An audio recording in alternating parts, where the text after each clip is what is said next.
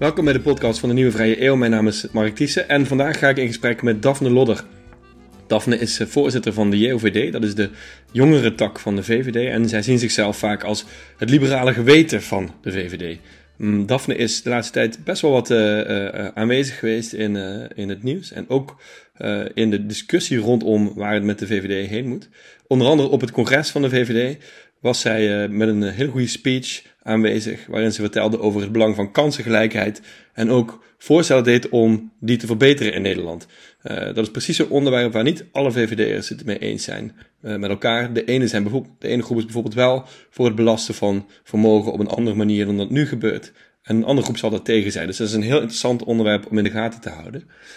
En daarnaast was zij ook in de media met een aantal opiniestukken, onder andere in het Financieel Dagblad, over die discussie binnen de VVD en onder andere over die rare stikstofmotie die is aangenomen een tijdje geleden op dat congres. Uh, in die partij speelt zich wat af en Daphne mengt zich echt in die discussie en probeert hem naar de liberale kant bij te sturen. Het was een heel leuk gesprek, ook omdat ik zelf vroeger in het hoofdbestuur van de JOVD heb gezeten. En uh, ja, voor mij een, blikje in mijn verleden uh, en hopelijk ook een blikje in de toekomst van de VVD. Veel plezier met luisteren.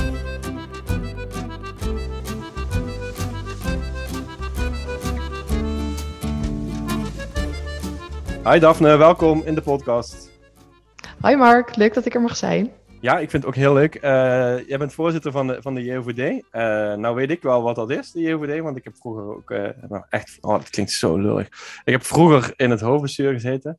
en jij nu als voorzitter, precies? wat zeg je? Hoe lang geleden was dat precies? Ja, moet ik dat echt benoemen? Ja.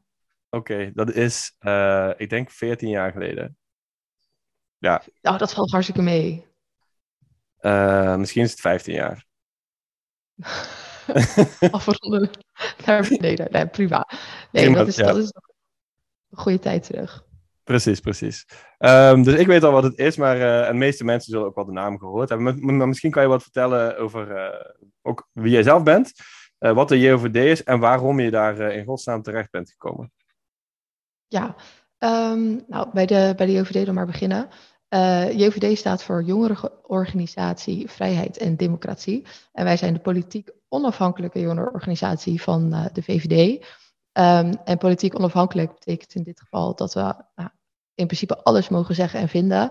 Um, maar we ergens wel gelieerd zijn aan de VVD, omdat we best wel wat geld uh, via hen krijgen ieder jaar. Um, dus nou ja, en we worden ook vaak door de media en, en andere mensen gewoon gezien als de jongerenorganisatie van. Um, maar goed, dat politiek onafhankelijke aspect is wel uh, echt belangrijk voor ons. En verder zijn we een uh, vereniging met uh, iets meer dan 2300 leden, verspreid over 18 afdelingen in het hele land. waarin we eigenlijk met elkaar nou ja, in gesprek gaan over politiek, liberalisme, um, maar ook gewoon leuke dingen doen, zoals bier drinken, naar congressen gaan en interessante sprekers uitnodigen. Zoals op het laatste congres is bijvoorbeeld Farid Azarkan is langsgekomen, uh, Samaya Sala was erbij, um, Jort Kelder is langsgekomen. Dus dat, dat zorgt wel voor een leuke mix aan um, meningen en inzichten. En ik denk dat de JOVD daar wel echt uniek uh, in is, dat we nou, met alles en iedereen in gesprek kunnen gaan. En dat doen we al sinds 1949, dus uh, een hele tijd terug. 1949 was ik nog niet lid van het hoofdbestuur. Dat is wel echt lang geleden. Er zijn altijd mensen die. Ja, precies. Hey, en, um, en waarom uh, vond jij dat zo leuk dat je daar, dat je daar voorzitter wilde worden? Nou, ik, ik ben, dan ja, zal ik meteen een stukje over mezelf vertellen. Uh, toen ik um, 18 was, ben ik gaan studeren in, in Rotterdam. En ik vond politiek eigenlijk altijd wel interessant, maar ik kwam van een wat kleiner eiland, genaamd Goeree-Overflakkee, ligt in Zuid-Holland, niet in Zeeland. Um, en ja, daar was altijd uh, de, de, de, faciliteiten naar de buitenwereld waren wat, wat beperkt, laat ik het zo zeggen. En toen ik ging studeren, toen dacht ik van, ah, nu kan ik echt uh, meedoen aan het, uh, aan grote mensen- en het studentenleven. Um, dus ik had allemaal plannen van dingen die ik leuk vond. En politiek was daar één van. En toen kwamen de verkiezingen van 2017 eraan. En toen dacht ik van, oké, nou, ik was 19-jarige destijds nu moet ik echt kleur gaan bekennen. Dus uh, het is tijd om te kiezen waar ik voor sta. ik vond het heel belangrijk uh, op die leeftijd dat, dat, er, dat, ja, dat ik die keuze al gemaakt had. Maar voelde je die druk uh, van buitenaf of wat, wilde je zelf gewoon een beslissing nemen? Ik, ik wilde dat zelf heel graag. Mijn ouders of mijn familie verder totaal niet per se politiek georiënteerd. Ja, wel maatschappelijk betrokken, maar niet echt politici of iets dergelijks.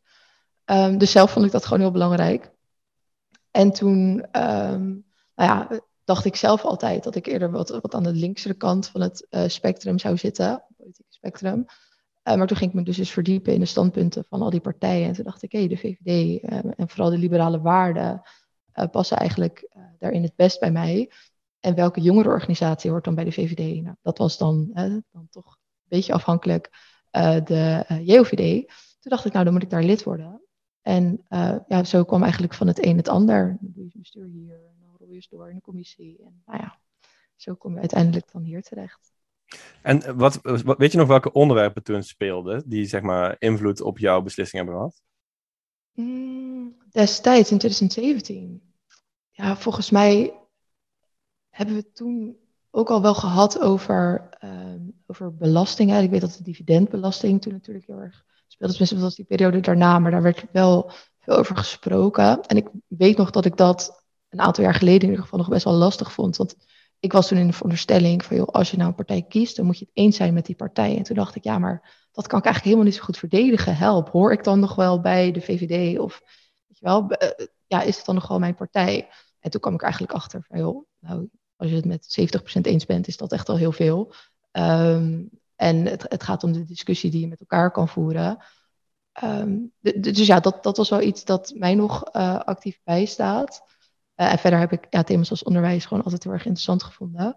Um, dus ja, ben ik me daar wel mee bezig gaan houden. Maar um, als je echt kijkt naar waarom kies je voor een partij, probeer ik iets verder terug te voeren naar de basis. Waar, staan ze in beginsel voor? Dan standpunten. Want nou ja, dat, dat zie je nu ook. Hè. Die, kunnen best wel veranderen door de jaren heen. Um, dus ja, dat. En um, nou, als JOD-voorzitter heb je best wel een leuke rol. Hè? Dus je kan uh, vrij onafhankelijk uh, gewoon uh, vinden wat je vindt en roepen wat je wil roepen. En soms levert dat wat een relletje op, soms niet. Um, ik vond trouwens een hele leuke reportage in NSC vorige week, geloof ik. Van Petra de Koning. Ja, en ook een podcast over hoe jullie tot standpunten komen. En dat het in tegenstelling tot denk ik veel politieke partijen echt super gedegen en met debat en in uh, uitwisselen van standpunten en zo gaat. Dat vond ik echt vet. Ja. Um, en, ben ik ook heel trots op. Ja, ja, precies. Ja, het is een hele operatie. Hè? Ik, ik heb zelf ja. zo'n zo politiek kernpuntenprogramma destijds ook moeten begeleiden. Dat is echt... Uh, ja, het is, is echt uh, want overal vind je iets van, hè, als jongere organisatie. Ja, echt, Je kan niet bedenken het onderwerp en je hebt er een mening over waarschijnlijk. Ja, nee, we, we, hebben een hele hoop met uh, denktanks gelukkig en politieke commissarissen die dan ten aanzien van een bepaald gebied uh, wat meer expert zijn. Want kijk, ja, ik heb een bepaald interessegebied en, en mijn voorlichter, politiek en, en net zo goed. Um, maar samen beslaaien, nou, wat zal het zijn? Misschien 20, 30 procent van uh, waar de politiek zich allemaal mee bezighoudt. Dus de rest van die kennis moet je ook eigenlijk bij anderen vandaan weten te halen. Dus is het best wel belangrijk dat er ook binnen de vereniging gewoon voldoende kennis en kunde is uh, voor uh, een aantal onderwerpen. Um, en nou ja, dan is het wel heel erg fijn dat die ook uh, input willen leveren in die discussieavond die we hebben gehad. En dat we zo tot een, ja, tot een lijst met standpunten kunnen komen, als het ware. Alleen wat ik eigenlijk nog het belangrijkste vind, is dat, dat we meer gaan kijken ook als, als JVD zijnde naar de gedachten daarachter. Want we kunnen bijvoorbeeld wel voor of tegen rekeningrijden zijn, maar waarom is het dan liberaal en uh, waarom denken we dan dat ja. uh, een goed of een slecht idee is. En ik denk dat dat um, best wel geslaagd is geweest de afgelopen tijd. Dus daar ben ik wel uh, tevreden over. Mooi. En ook tevreden over de reportage? ja, ja, ik zelf wel. Um, ik moest wel heel erg lachen, want die discussie over um, ja, gendergelijkheid of hoe um, gaan we uit van ombudsman, ombudsvrouw, ombudspersoon, hoe doen we dat? um, de beste reizigersdiscussie, zeg maar, ja. kwam best wel heel erg levendig terug in die reportage. Terwijl dat, dat is natuurlijk nou ja, een paar procent misschien nog niet eens van de discussie geweest die we, die we hebben gevoerd. Ja, ja het is wel een interessant um, punt natuurlijk. Hè? Omdat dit, dit laat wel zien, het ging over, uh, die, er was een discussie bij de OVD over moeten we uh, uh, woorden aanpassen zodat ze geslachtsloos zijn eigenlijk. Hè? Dus dat je niet meer praat over politieman, maar politiemens of zo. Um, ja, precies. en ik denk dat ze het gebruikt hebben als symbool voor, kijk, in zo'n, in zo'n jongerenorganisatie zijn ze op sommige onderwerpen gewoon echt mentaal heel, nou, verder is misschien niet het goede woord, maar, maar hè, denken ze heel anders over dingen na dan, uh, dan bij de VVD. Want bij de VVD zou dit een 10%, 90% uh, uitslag zijn. Hè? Die, dat zou, niemand zou dat ja. willen. Dus dat, ik vond het wel interessant. Jullie zijn wat vooruitstrevender. Uh, ja, ja, ja, ja, ja, ja, ik, ja, het is natuurlijk een totaal andere genera generatie. Dus, uh, dus vanzelfsprekend denk je totaal anders over dit soort dingen na. De oudere generaties hebben hier misschien nog helemaal nooit echt over nagedacht. En ik vond um, jouw speech op het congres heel uh, opvallend. Ik weet, uh, ik zag daar iets over voorbij komen. Ik was er zelf niet bij. En ik begon meteen mensen te appen. Ik wil die speech, ik wil die speech. Waar is die? Uh, en toen kreeg ik hem ook van jou, geloof ik zelf. En uiteindelijk gebeurde er volgens mij na jouw speech heel veel op dat congres. Ja. Dat ontplofte zowat toen het ging over een aantal moties, over stikstof en over 130 km per uur. Um, ik ben heel geïnteresseerd om jouw mening te horen over dat interne debat in de VVD, wat nu is losgebarsten. je hebt daar zelf ook een stuk over geschreven in het FD. Um, hoe, dat, ja, ten eerste, jij, jij was daar. Uh, wat zag jij gebeuren? Ja, ik vond het wel, wel heel erg interessant. Um, want nou ja, als, als voorzitter van, van de JOVD mag je niet op die voorste rij gaan zitten. Daar in die inner circle uh, noemde ik het voor de grap. Um, en ik vond het wel echt heel interessant om vanuit daar eigenlijk de rest van de zaal te beschouwen. Want in het begin was alles natuurlijk nog gemoedelijk en uh, was het uh, applaus en leuk dat je bijdrage levert en we gaan door. Maar op een gegeven moment merkte je wel dat, dat de sfeer, en dan zeker ten aanzien van die stikstofdiscussie, toch een beetje omsloeg. En ik wil echt niet zeggen dat het meteen negatief werd, want ik sta echt wel positief tegenover een goede discussie. Um, maar toen werd het ineens een soort van politiek, wanneer je wel of niet ging applaudisseren. Of, en ik zat daartussen, ik dacht, ja, jeetje, al die mensen, weet je wel. Ik, heel interessant gewoon om te kijken hoe iedereen reageerde. En natuurlijk deed het Mark Rutte in de gaten houden, wat doet hij dan? En hoe staat zijn gezicht? Hetzelfde bij Christian van der Wal natuurlijk. En ik, ik vond het echt een onwijs unieke inkijk, dat ik echt front row... Um, dat, dat allemaal mocht gaan zitten aanschouwen. En nou ja, links en rechts hoor je natuurlijk af en toe wel wat gemompel. Um, maar goed, je, je, zag daarin echt wel dat, dat de fractie um, en het kabinet ook een deel daarvan, dus ten aanzien van bepaalde standpunten, toch wel anders dacht. En dan kwam er weer een tegengeluid uit de zaal. En dan dacht zij, nou hè, eindelijk fijn dat, dat dit geluid ook gehoord wordt. Um, en ja, ik vond dat wel een hele interessante dynamiek om, om zo te kunnen volgen, ja. Ja, en, maar voelde je jezelf ook deel daarvan? ja, ik, ik was op dat moment um, denk ik wel een beetje trots of zo. Dat ik dacht van, oh, dat is wel leuk dat je als JOVD dan wel hier tussen mag zitten. Um, maar goed, ik denk, eh, en, en dat is natuurlijk ook altijd de relatie wel tussen de JOVD en de VVD geweest, dat um, wij altijd vinden dat we serieuzer genomen moeten worden. en dat dat natuurlijk nog niet altijd uh, zo het geval is, of tenminste door sommigen uh, meer of minder. Ja. Dus het is niet dat, dat ik dan denk van, oh nou, hè, daar, daar zitten we dan. En dat is, uh, nou ja, tussen onze vrienden of zo. Zo, zo ja. is dat niet. En, en die discussie, daar heb je natuurlijk als uh, JVD ook een, een, een, een, mening over. Um, um, maar misschien, want je, je merkt ook op, hè, de, het werd een hele, een soort van tribale discussie misschien. Je zei, je, je ging niet meer klappen op basis van...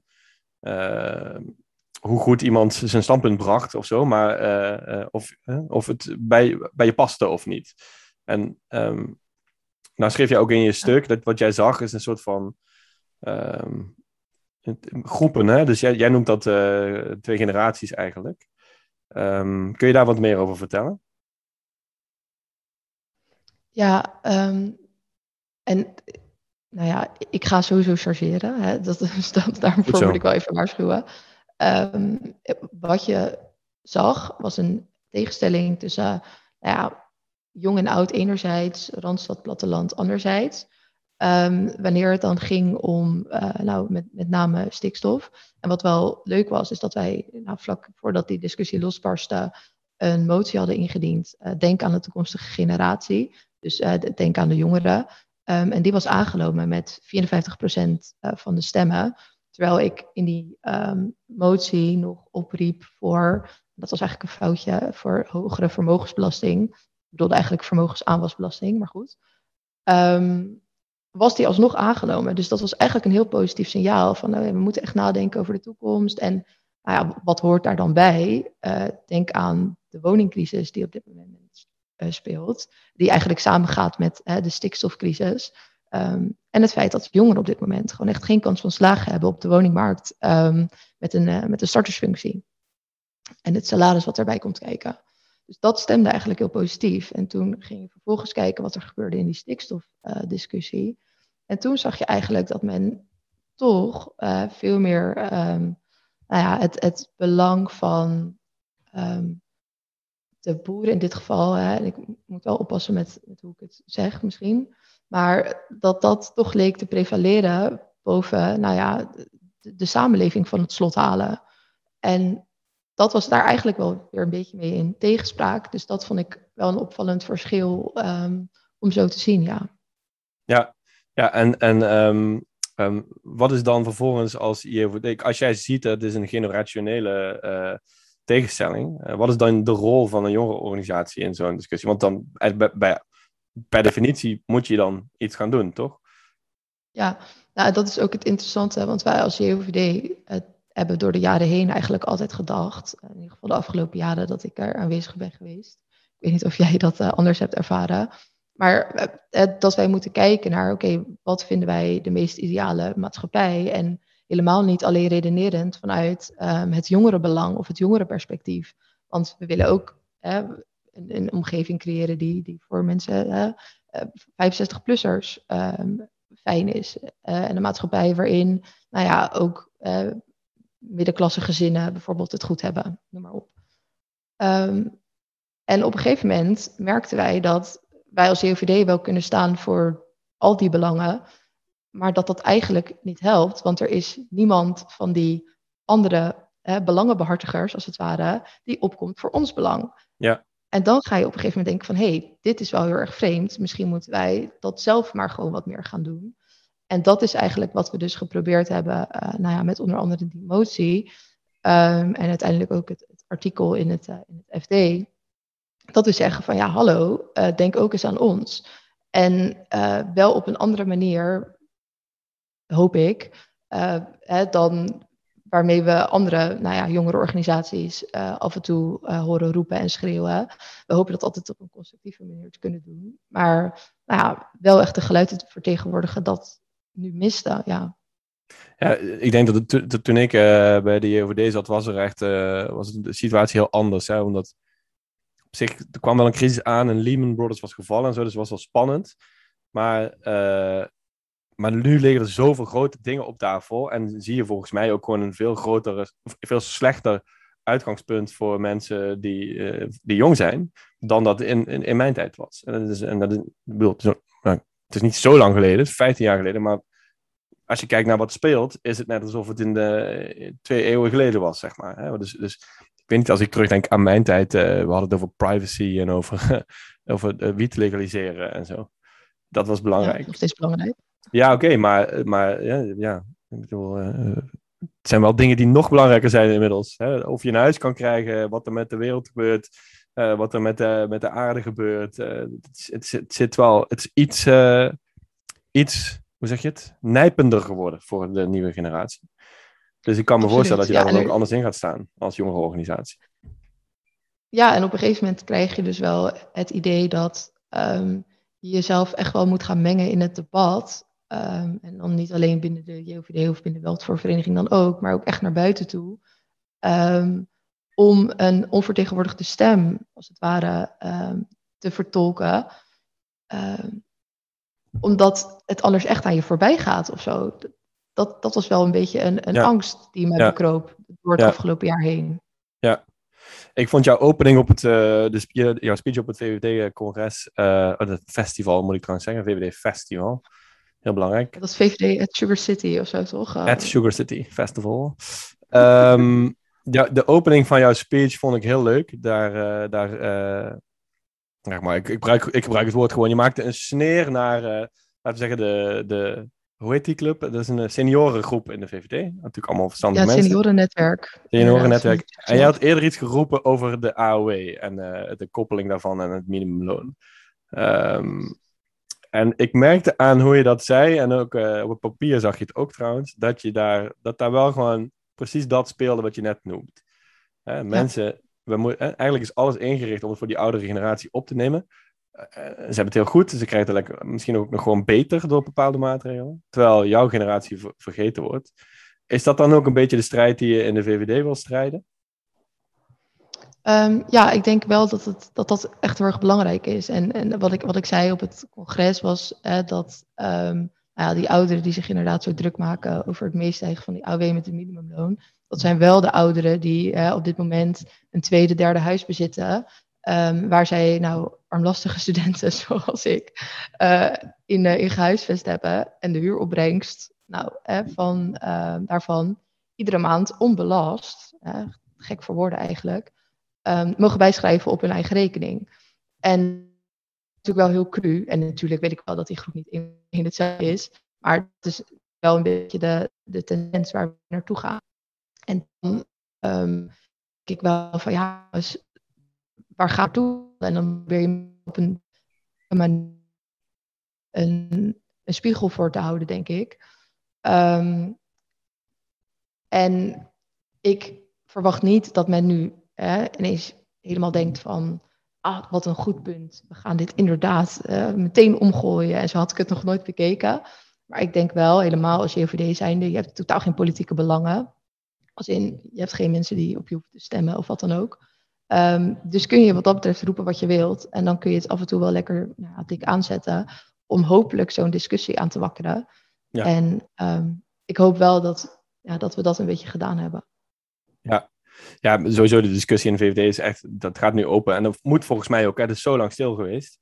Uh, mensen gingen een soort van, uh, was een soort applausmachine geworden, denk ik, uh, de VVD. En ik heb dat bij mezelf ook gemerkt. Waarom zou je nog naar congressen gaan? Dat heb ik me echt afgevraagd op een gegeven moment. Want het enige, de reden waarom je daar bent is gewoon ja, klappen eigenlijk en, en bier drinken. Dat de premier een hartje kan schudden. Ja, precies. Ja, ja. Maar, maar, ja, daar doe ik het toch niet voor, denk ik. dus, dus ik ben ook veel thuis gebleven. Maar als je nu ziet dat het dan weer, dat het dan weer ineens belangrijk gaat worden wat je vindt en wat je kan bijdragen, dan krijg je dat soort congres ook een andere lading. Dus ik hoop dat dat ook gewoon door de partij een beetje wordt, uh, wordt uh, uh, goed begeleid. Ik hoop ook dat het, dat het op een fatsoenlijke manier kan. Ik merkte ook, ik zag ook wel tijdens dat debat in die zaal, um, ja, nog niet heel tevreden met hoe de discussie gevoerd werd. Jij signaleerde, signaleerde dat ook in jouw artikel. Je had daar een mooie omschrijving voor. Ik pak hem er even bij hoor. je zei, het is, ze, ze, leven in een, in een waan van wantrouwen. wantrouwen van politiek en van wetenschap en zo.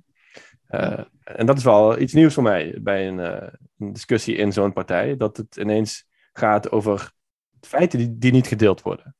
Uh, dus daar was ik wel een beetje bevreesd over. Um, ik vind, en dat ik, de thuisblijvers, die eigenlijk zich wel voor het hoofd konden slaan. Ja. En denken van ja, hallo, als wij nu aanwezig waren geweest in die zaal, hadden we nu een tegengeluid kunnen laten horen. En ja. dus ik geloof dat, je, dat jij die mening ook deelde daarover. Um, en dat, dat is natuurlijk ergens wel weer een positief signaal. Dat je denkt van, hé, hey, mijn stem doet ertoe. Dus ik moet ook van me laten horen. Zeker. En ik denk ook dat dit echt een vertekende meerderheid was. Hè? Dus je hebt uh, een goed georganiseerde activistische groep gehad daar. Ook met echt uh, een soort van landbouwlobby deel erbij. Wat ik wel vrij gênant vond, eerlijk gezegd. De Gert-Jan Oplaats en uh, Helma Lodders. die eigenlijk gewoon daar lobbyist staan te zijn. Um, aan de andere kant waren heel veel mensen die, die, die het waarschijnlijk oneens waren met die motie, die niet georganiseerd waren. Ja, dat gaat wel veranderen, denk ik. En ik, ik, ik denk zelf niet zo dat, dat het over generaties gaat. Ik snap dat jij dat zo ziet. Maar, want ik zie ook gewoon uh, jonge generaties die het eens zijn met die stikstofmotie. En oudere generaties, mensen uit die oudere generaties die er tegen zijn. Het is, het is ik, ik, denk, je ziet wel een soort. Het is een beetje een herhaling van de Rutte Verdonken. Ja. Zo, op een light variant. Met, met mensen die uh, echt wat. Uh, ik heb soms het idee dat die groep vastzit in 2003, jaren van Pim Fortuyn. maar het is geen 2003 meer, het is 2022. En we hebben andere problemen, andere oplossingen nodig. Het enige wat hetzelfde blijft zijn gewoon je liberale principes.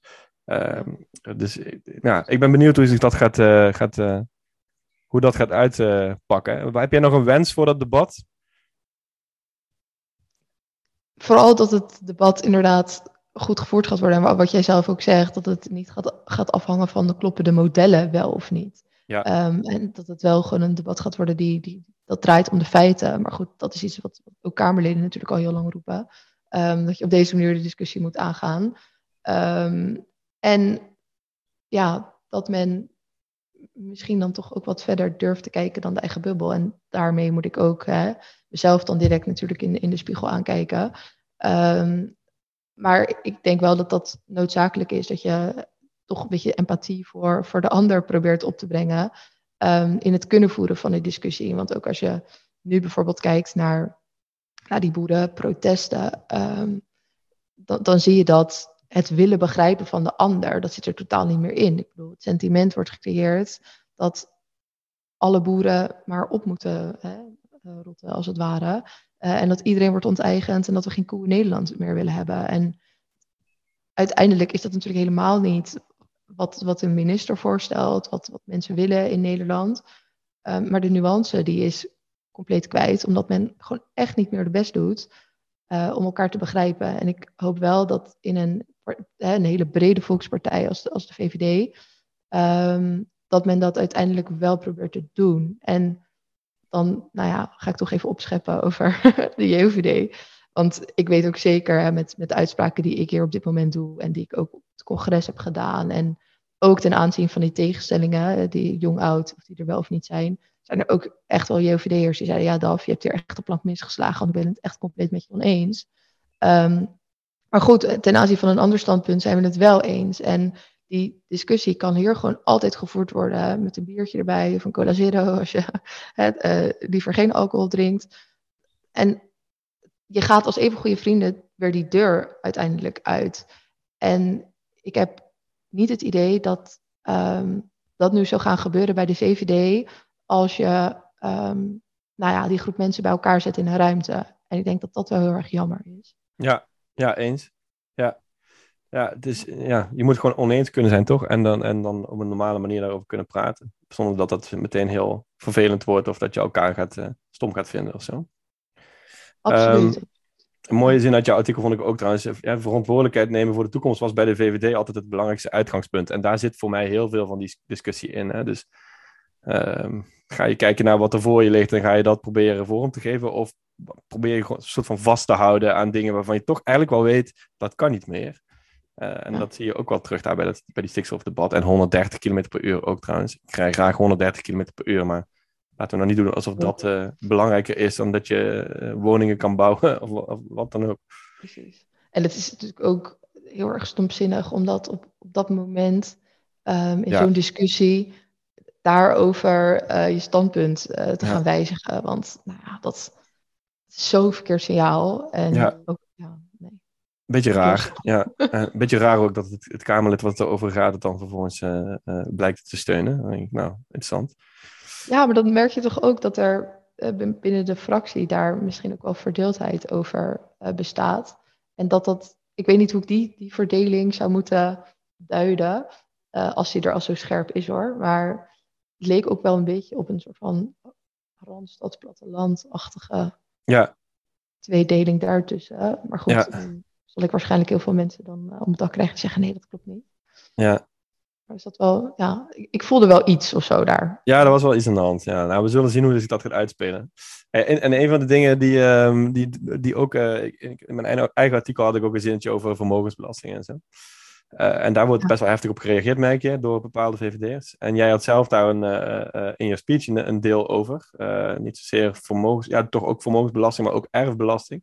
En ja, ik vond het mooie aan jouw speech is dat je echt na aan het denken was over dat waar de wieg staat van iemand niet, niet zou moeten uitmaken. Hè? Dus als je liberaal bent, zou je heel sterk moeten geloven in dat waar, waar je ook geboren wordt, bij welke ouder, dat zou je niet moeten kunnen tegenhouden in het, in het leven. Of in ieder geval het zijn altijd dingen die je kunt tegenhouden, maar dat zou niet van, van overheidswegen of maatschappijwegen moeten worden geblokkeerd. En ik vroeg me af, jij bent ook docent, uh, geloof ik, uh, economie.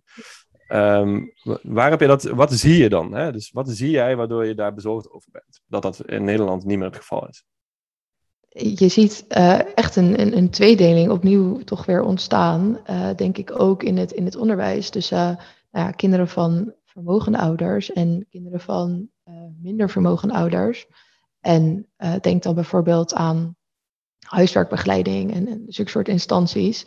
Dat um, nou ja, daar gewoon echt bizar veel geld in omgaat. En dat ook leerlingen in de klas denken, ah joh, dat doe ik wel hè, bij huiswerkbegeleiding of bij bijles. Um, en daardoor nou, überhaupt niet meer actief willen participeren tijdens de les. Maar goed, dat is, dat is een ander probleem. Um, maar goed, hun kans om uiteindelijk te slagen uh, in het Nederlandse onderwijs is daardoor echt heel veel groter geworden dan um, ja, dat die voorheen was, denk ik. En nou, dat is wel iets waar we, waar we wat aan moeten doen. Want het zou hè, niet zo moeten zijn dat omdat jouw ouders een goede baan hebben, dat jij daardoor de meeste kans hebt om nou ja, het VWO bijvoorbeeld ja. uh, te halen. En datzelfde geldt, hè, los van, van huiswerkbegeleiding, ook voor nou naschoolse activiteiten, waar de ene naar de hockey of naar de pianoles gaat, hangt een ander op straat. En um, dat zijn uiteindelijk dan toch wel de plekken waar je um, ja, meer in de verleiding raakt om in de problemen te komen of met politie in, in aanraking komt. En dan is het wel vaak een, um, ja, een slippery slope naar, naar meer ellende, zeg maar. Ja. En ja, dat is wel iets, denk ik, waar we ons met z'n allen zorgen uh, om moeten maken. Um, omdat, nou ja, kansengelijkheid totaal eigenlijk verdwenen is uh, in ons onderwijsstelsel op die manier. Ja, ik, ik vind het lastige bij kansengelijkheid is dat uh, ik vind het echt misschien wel eh, het meest liberale principe wat is. Ja, vrijheid natuurlijk staat boven alles, maar dat kan gewoon niet bestaan zonder dat iedereen gelijke kansen heeft. Dat is echt. Als je, als je als liberaal dat niet wil omarmen, dan snap je niet, voor, voor mij niet wat liberalisme is. Um, heeft dus ook niks met links of rechts te maken of zo. Dat is gewoon echt, het zit in de kern van bijna alle liberale filosofen zit dat je een, een systeem moet hebben waarbij mensen gelijke kansen hebben. En het lastige is alleen dat je, het is heel moeilijk voor jezelf om te zien dat het niet zo is. Als jij uit een situatie komt waarbij je gewoon goede kansen hebt. Dus ik heb, ik heb uh, niet dat, ik, dat mijn familie uit de elite kwam, far from it. Maar gewoon wel stabiel gezin, uh, nooit honger, altijd leuke dingen kunnen doen. ouders die een voorbeeld voor je kunnen zijn. Um, dus ik heb nooit het idee gehad dat het. Het is gewoon, dat is gewoon de wereld die jij ziet. En dan is het heel moeilijk om te zien dat anderen dat niet hebben. En ik begon dat pas echt te zien toen mijn zoontje bijvoorbeeld als baby zeg maar, naar, de, naar, de, naar de opvang ging. Toen woonde ik nog in Amsterdam. Dat, dat daar dus. Je ziet gewoon al in de eerste twee, drie jaar van kinderen. dat ze zich op een andere manier ontwikkelen. op het moment dat de thuissituatie niet stabiel is. of ouders niet zoveel hebben. En daar schrok ik enorm van. Dat je dat op zo'n jonge leeftijd kon je dat al zien eigenlijk. Ja, of, of lezen ook vanuit huis bijvoorbeeld wordt, wordt gestimuleerd.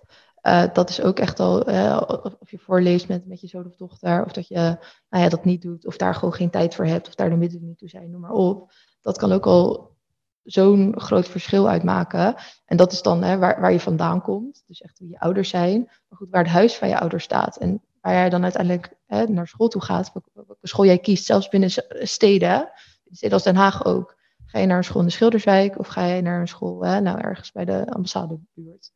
Dat kan ook al zo'n uh, groot verschil maken uh, vanwege dus de jongens en meisjes met wie jij in de klas terechtkomt. Omdat, um, en ik bedoel, ik, ik, zie dat denk ik wel op, op meer scholen gebeuren, maar goed. Um, dat de ene school veel meer bezig is met, oké, iedereen in het gareel krijgen, zorgen dat je ordelijk door, door de les heen komt, dat je misschien hè, nog wel wat uitgelegd krijgt aan een groep met leerlingen, terwijl op andere scholen heerst er veel meer rust en discipline in een, in een klaslokaal. Um, en ben je gewoon bezig met het overbrengen van lesstof in plaats van, oh ja, hier Jantje Pietje, uh, mond dicht, uh, niet gooien, niet op haar slaan, uh, omdraaien, opletten. Dat, dat zijn echt hele fundamentele verschillen die dus binnen een stad al aan de hand kunnen zijn in het klaslokaal. En nou ja, je kunt natuurlijk uiteindelijk um, wel nagaan wat voor gevolgen dat zal hebben uh, tijdens examens. Of ja. Met cijfers. Ja, ja, en, en, en um, uh, in, voordat we volgens mij de opname begonnen, zei uh, ik ben altijd op zoek naar wat, de wat is nou de echt liberale oplossing voor iets. Um, en ik ben heel benieuwd, want je hebt ook op, op, op belastinggebied, denk jij, dat er kunnen dingen veranderen waardoor dit beter, de uitgangspositie gelijker wordt voor mensen. Uh, wat zijn jouw liberale oplossingen voor dit probleem? Ja, nou, voor het probleem van um, meer kansengelijkheid in het onderwijs, denk ik dat, um, dat, dat het goed is. En dan gebruik ik altijd de term Rijke Schooldag, maar ik weet dat het een beetje door D66 uh, invented is. Dus uh, misschien moeten we daar een, een alternatief voor, voor gaan dat, bedenken. Dat label wil je niet, hè? Dat label, dat is echt... Ja, nee, precies. Mee af dat, meteen. Ja, dat, wil ik niet.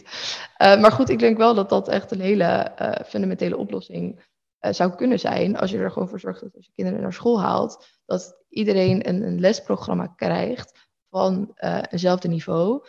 Um, qua kwaliteit. Maar ook waar leerlingen uiteindelijk op hun eigen niveau aan de slag kunnen. Want ik bedoel, in groep 8 van de basisschool wordt er door middel van een CITO-toets bepaald van nou, jij kan wel het VWO aan en jij kan wel de MAVO aan. is ook nog eens bewezen dat hè, je, je achtergrond um, invloed heeft op het advies dat jij vervolgens krijgt.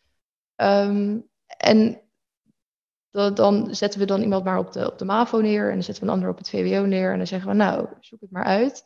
Weet je wel, als je dat omdraait en als je ervoor zorgt dat dat, dat kinderen beginnen, nou, een soort van ouderwetse, ouderwetse idee van de middenschool. Um, en waar men nou ja, op basis van eigen kunnen uh, daadwerkelijk zou kunnen uh, doorstromen in een bepaald niveau. En dat we dan pas veel later gaan, gaan selecteren. Uh, denk ik echt dat je veel meer uit de potentie van een, van een kind kan halen. Um, ook als je ze meegeeft dat het niet alleen maar hoeft te draaien om, om rekenen en wiskunde. Um, maar ook om, sport en, en, cultuur en, en persoonlijke ontwikkeling. En denk dan ook aan mentale groei en, en weerbaarheid. Nou, noem maar op, als je dat allemaal weet uh, samen te vatten in een, in een lesprogramma, dan denk ik echt dat je nou hele kansrijke burgers uh, met elkaar creëert. En waarom dat dan liberaal is? Nou, je, zorgt er zo voor dat en dat ligt er een beetje aan of je dat volgens mij het ontplooiingsliberalisme of het sociaal liberalisme volgens mij redeneert. Maar als je ervoor kan zorgen dat iemand zijn eigen talent kan ontdekken en daardoor ook kan ontplooien, dan um, kun je vanuit het ontplooiingsliberalisme zeggen van oké, dan uh, is die persoon het meest gelukkig met zijn eigen ontplooide talent. En goed, uh, ik, vat het kort samen.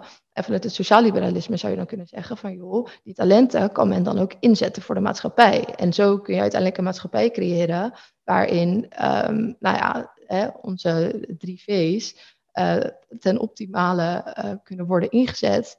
Um, want men neemt verantwoordelijkheid over uiteindelijk zijn eigen kunnen. Um, en kijkt uiteindelijk ook om naar elkaar, want is ook krachtig genoeg om dat te kunnen doen.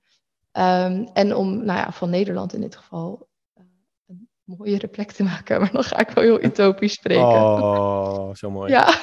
Dankjewel. Het is wel heel D66, hè, Daphne? Kom op. Ja, sorry. Mooi, een nee. mooie plek maken van het land. Ik wil gewoon hard rijden. Mag ook, maar goed, is dat niet de. Is dat automatisch tegen een mooi land? Nee, misschien is dat wel wat het land mooi, nog mooier maakt. Dan lekker hard rijden en, en gelukkig ja, goed, Als iedereen zijn verantwoordelijkheid neemt voor veiligheid op, de snelweg.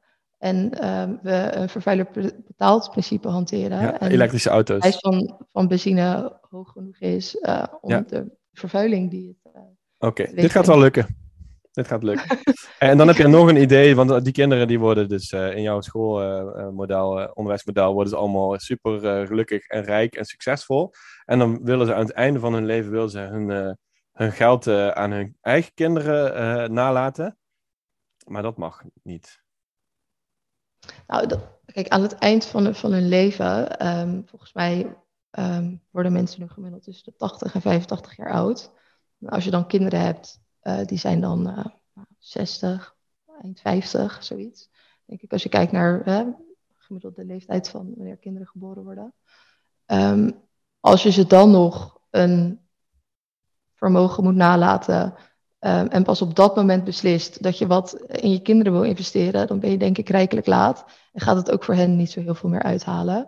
Dus ja. die emotie, hè, die altijd in die discussie, um, met die discussie gepaard gaat, die is eigenlijk niet heel terecht. Um, en daarnaast denk ik ook dat het goed is, helemaal als, nou, als dan je onderwijssysteem zo op orde is, dat je ervoor kan zorgen dat ehm, ieder kind, ongeacht dus wat een ander kind krijgt of heeft, ehm, het beste uit zichzelf kan halen. En dat de plaats van de wieg um, daar dus niet bepalend voor, voor moet zijn. En dat de plaats van de wieg dus ook niet bepaalt of jij naar een, een witte school toe kan. Hè, in, uh, in, een, in een andere buurt. Of uh, dat jij wel heel veel betaalde bijles kan krijgen. Of uh, zelfs naar een privéschool kunt gaan. Um, om daar het beste onderwijs te volgen. En dat is natuurlijk wel fundamenteel daaraan, denk ik. Ja, ja. Um, even kijken. Ik had nog één vraag. Die gaat over vermogensbelasting. dat komt een beetje terug als een rode draad door al jouw, jouw, jouw inbreng. Wat zou jij willen doen met de vermogensbelasting en waarom? Ja, dus inkomsten uit vermogen mag wat wij betreft um, ja, meer of überhaupt belast gaan worden. Um, en dan is het weer die, die huuropbrengst uit, uit een tweede huis. Die, um, nou, wat mij best, wel betreft best wel tegen een tarief van, weet ik het, 30% belast mogen worden. ik denk ook dat best wel veel mensen daar inmiddels nou, toch wel anders over gaan denken. En wat je er tegenover wil zetten, ik denk dat heel veel mensen daar ook wel mee eens zijn, is een lagere inkomstenbelasting. Um, maar als je dan kijkt naar de totale pot van wat dat kost en wat dat oplevert, kom je volgens mij niet, niet helemaal uit. Dus we moeten heel serieus gaan nadenken over uh, welke percentages we uh, daarin terecht vinden. En daar denk ik een discussie over gaan voeren. Um, en ik denk dat dus, de, meeste mensen het er wel over eens zijn dat die ja, inkomsten uit vermogen best wel meer belast mogen gaan worden. Um, en goed, dat werken dan uiteindelijk wel meer kan lonen. Want dat is waar het om draait. Uh, denk ik helemaal als je dan weer, kijk maar een eerdere verhaal over hoe je met z'n allen jezelf ja. uh, deze maatschappij kan inzetten. Ja. Dit is trouwens wel, ik ben, dus, de, volgens mij is de situatie afhankelijk. Hè? Het, is, het is niet zo dat je op nul begint en dan zegt we moeten nu een gigantisch hoge vermogensbelasting instellen. Het is gewoon een systeem wat op een bepaalde manier uitpakt in een bepaalde situatie, ja. waardoor het wel of niet uh, interessant kan zijn om een vermogensbelasting of rendementheffing te, te verhogen. Uh, als je terugkijkt, want vaak wordt dit punt gepakt als dat is niet liberaal. Hè? En uh, door zeg maar de, de we, houden, we, denken dat we nog in 2003 leven uh, groep. Um, maar dit is dus, als je teruggaat in de tijd, je gaat John Stuart Mill lezen en dat zijn, die zijn voor dit, voor dit soort maatregelen. Hè? Dus die, die, dat noemen zij, uh, je moet de rentier, rentier class tegengaan. Dat zijn mensen die geld verdienen op basis van hun vermogen, dus van hun bezittingen. Dus je hebt een huis, je krijgt daar geld voor, je hebt je geld ergens gezet, je krijgt daar geld voor. Zij zeggen dat is, dat is geen productieve klasse, daar moet je, daar moet je op gaan heffen. Dus ja. ook dit is weer zoiets. Uh, teruggaand naar liberale filosofen, komt er bijna overal aan terug. Hè? Het is gek eigenlijk dat, we daar, dat, we dat, dat daar nu dan een soort van idee over is ontstaan dat dat niet liberaal zou zijn. Terwijl het in de kern zat van, uh, van het liberalisme. Ja, het is natuurlijk heel gek dat als jij vermogen hebt, dat jij dat vandaag de dag alleen maar uh, hoeft in te zetten op een slimme manier om daar meer en meer en meer vermogen van te maken. En dat dat dus eigenlijk uiteindelijk ten koste gaat van de mensen die nou ja, minder of, of geen vermogen hebben. Want die mogen dadelijk nou ja, een, hoge, een hoog belastingtarief betalen in, in box 1. Ja. Um, en zijn daar de dupe van. Op ja. die manier, en dat is ook wat je net aanhaalt, loont het gewoon niet om te werken. En um, ik had het er laatst ook over met, de, met een bestuursgenoot, dat de, de marginale belastingdruk um, in Nederland is echt heel erg vreemd geregeld. Want als jij in de laagste nou ja, 10% zit of zo, uh, in ieder geval onderkant van uh, uh, de, de, maatschappij als het gaat om uh, inkomen, dan heb jij een belastingdruk van 19%. En verdien jij dan nou, net iets te veel eigenlijk, waardoor al jouw toeslagen en weet ik het wat wegvallen, um, is er dus voor die groep daarboven een belastingdruk van 73%. Dus je hoeft maar um, een dag meer te gaan werken in de week. En ineens ja. um, is ons belastingstelsel er zo op ingericht dat 73% van nou, die verdiende euro um, weer ergens terugvloeit naar de overheid. En dat moet natuurlijk niet kunnen. En ik denk dat als je ons belastingstelsel erop inricht dat dat werken uiteindelijk wel loont, um, dat je dan ook een nou ja, arbeidskrap, krapte op de arbeidsmarkt op dit moment bijvoorbeeld, um, veel sneller zou kunnen oplossen. Um, maar goed, en dat dat allerlei andere voordelen met zich meebrengt. dank voor deze leuke podcast. We moeten gewoon alles veranderen dank. eigenlijk. Dat is de conclusie. Ja. alles moet Ja, anders. Dus het belastingstelsel moet anders, Ja, absoluut. dat, dat ben ik wel mee eens, ja. Het is ook wat te Ja. complex geworden, wat je zelf Ja. ook al zegt. En het Nou, onderwijsstelsel. Ga je de politiek in? Ehm, weet ik niet. Ik vind het dit heel erg leuk om nu zo te doen als, als JVD-voorzitter. Ehm, mag je je echt ineens met grote thema's bezighouden. En nou ja, je grapt het net al, je mag lekker idealistisch zijn. En je hoeft totaal niet ehm, bezig te zijn met, pragmatische oplossingen. En dat vind ik nu heel erg leuk. Maar uiteindelijk de, de grote mensenpolitiek. ehm, komen wel heel veel andere dingen bij kijken. Oké, dankjewel. Leuk dat je er was. Ja, En, ehm, te doen. Ik denk dat we nog wel van jou gaan horen. Blijf vooral die leuke stukken schrijven. Dankjewel, ja, jij ook. Oké, Yes, oké. Tot ziens. doei doeg. Doei.